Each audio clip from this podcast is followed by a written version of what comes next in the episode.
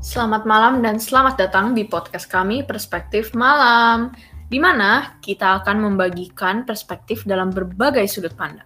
Saya memperkenalkan diri, saya adalah Jovin dan saya akan menjadi host per kali ini, dan saya akan memperkenalkan kedua tamu saya.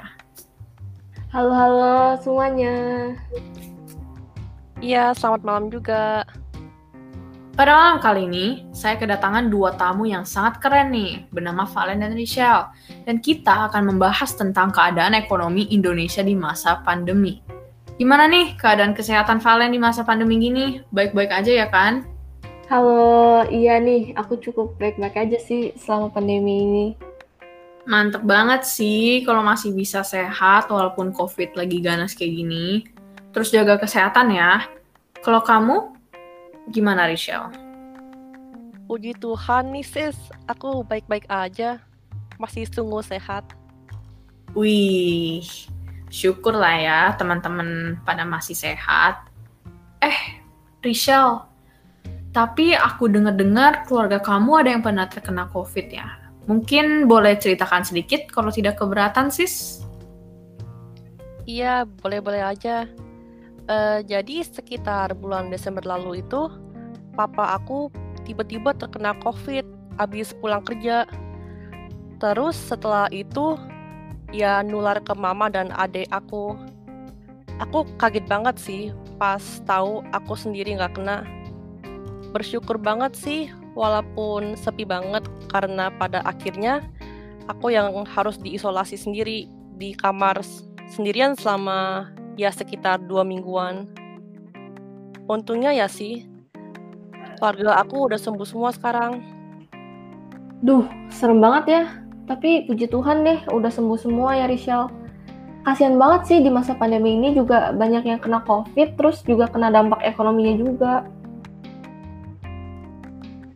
Puji Tuhan udah sehat lah ya. Nah, Len, itu dia topik pembahasan kita hari ini. Jadi, masa pandemi sekarang di mana kita harus membatasi kegiatan luar di rumah, banyak usaha-usaha yang tutup, dan lainnya. Iya, banyak restoran, hotel, department store yang tutup.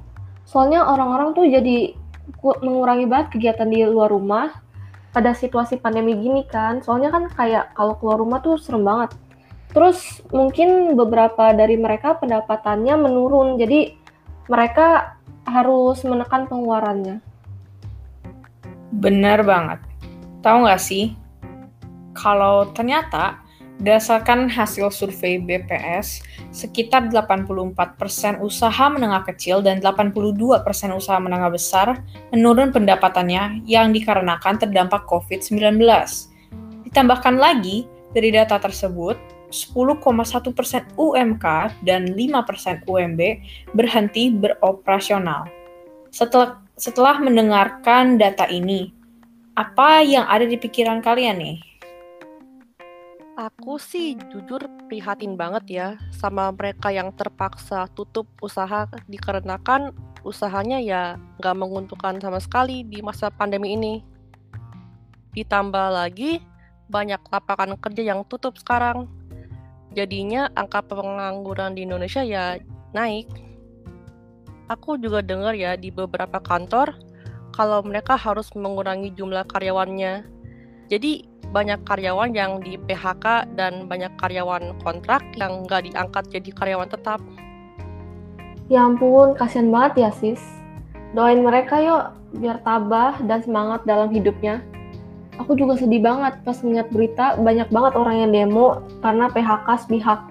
Menurut aku sih ya, ini tuh nggak adil banget buat mereka. Jadinya mereka tuh nganggur gara-gara keputusan satu pihak aja. Terus juga perusahaan juga nggak memperhatikan dampaknya bagi karyawan yang bersangkutan. Parah banget. Aku setuju sama kamu, Len. Kalian tahu nggak sih, kalau menurut laporan dari BPS, jumlah orang yang menganggur di tahun 2021 itu sekitar 8,75 juta.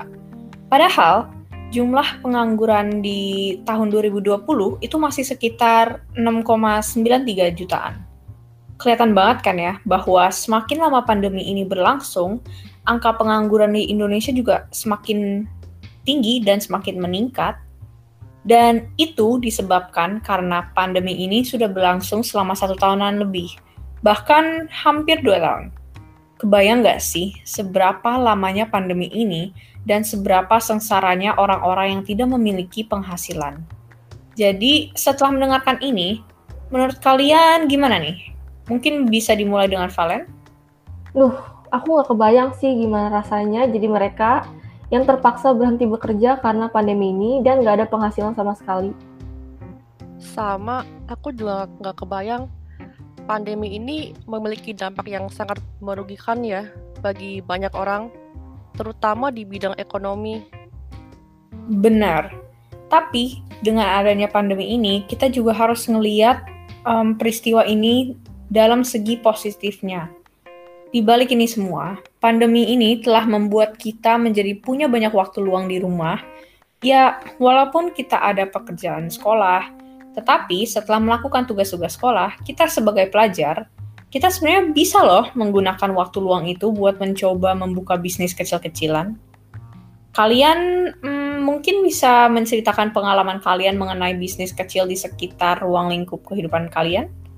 Rachel, kamu gimana? Oh iya ya, kalau dipikir-pikir, banyak usaha kecil yang mulai muncul di tengah pandemi ya. Juga beberapa bulan ini, aku sering banget melihat ibu-ibu di sekitar kompleks rumah aku berjualan makanan dan minuman kayak nasi uduk, susu kacang, dan lain-lainnya. Ya, jadinya keluarga aku juga suka beli biar bisa membantu sesama ya. Dan juga membagi berkah sambil mencoba makanan mereka jujur sih, tapi makanan mereka enak banget loh. Aku juga pernah dengar sih di berita kalau ada pramugari yang kena PHK, terus dia jadinya ngebuka usaha kecil kayak jual lontong sayur yang enak. Terus aku juga salut sih sama orang-orang yang tetap mau berusaha walaupun sedang mengalami kesulitan. Aku sebenarnya juga pengen ikut membuka usaha kecil, tapi aku takut terus juga bingung mau mulai dari mana.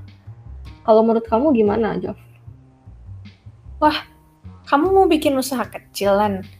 Bisa banget kok. Malah itu akan membakar semangat mudamu. Di tengah pandemi seperti ini, UMKM itu jadi meningkat banget loh. Bahkan sekarang UMKM itu menyerap sekitar 97% tenaga kerja di Indonesia. Kamu bisa tuh meningkatkan persentase itu lebih tinggi. Wah, Berarti UMKM itu bisa menjadi salah satu kunci pemulihan ekonomi di Indonesia ya. Menarik banget sih, selain bisa nambah-nambah penghasilan, usaha kecil-kecilan juga bisa ngebantu pemulihan ekonomi ya ternyata sis. Iya, benar banget. Um, UMKM itu benar-benar bisa menambah penghasilan dan membantu pemulihan ekonomi Indonesia. Wah, seru banget sih ya diskusi kita kali ini kita benar-benar bisa mendapat dan bisa melihat perspektif yang berbeda-beda mengenai keadaan ekonomi kita kali ini, yaitu di tengah pandemi COVID-19 ini. Dan setelah kita mendengarkan perbincangan ini, kita dapatkan bahwa perekonomian di Indonesia itu memburuk sebab banyak usaha-usaha yang menurun dan bahkan ada yang berhenti beroperasional.